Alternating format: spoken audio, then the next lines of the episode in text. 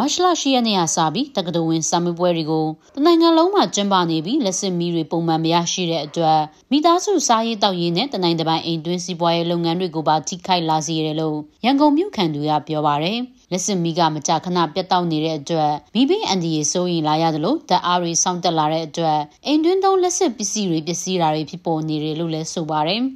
ဒီစာချက်လို့ကမှောင်တယ်လေမှောင်တော့ဖျောင်းနိုင်တာအန်ရများတယ်လေ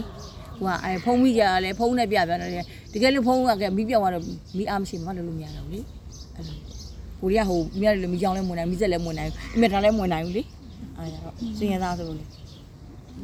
ဖြစ်မနေတာကိုကထားရတယ်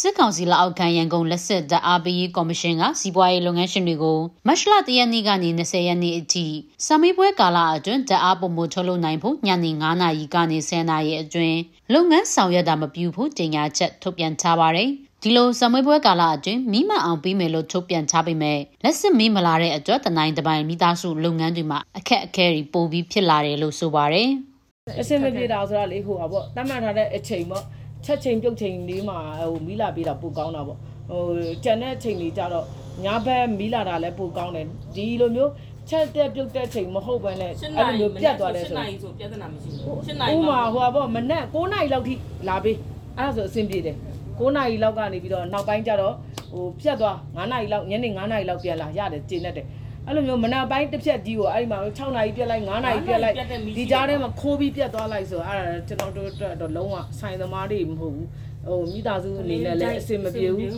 အလုပ်သမားတွေလည်းအဆင်မပြေဘူးဘယ်ဟာမှအဆင်မပြေဘူးအဲ့ဒါ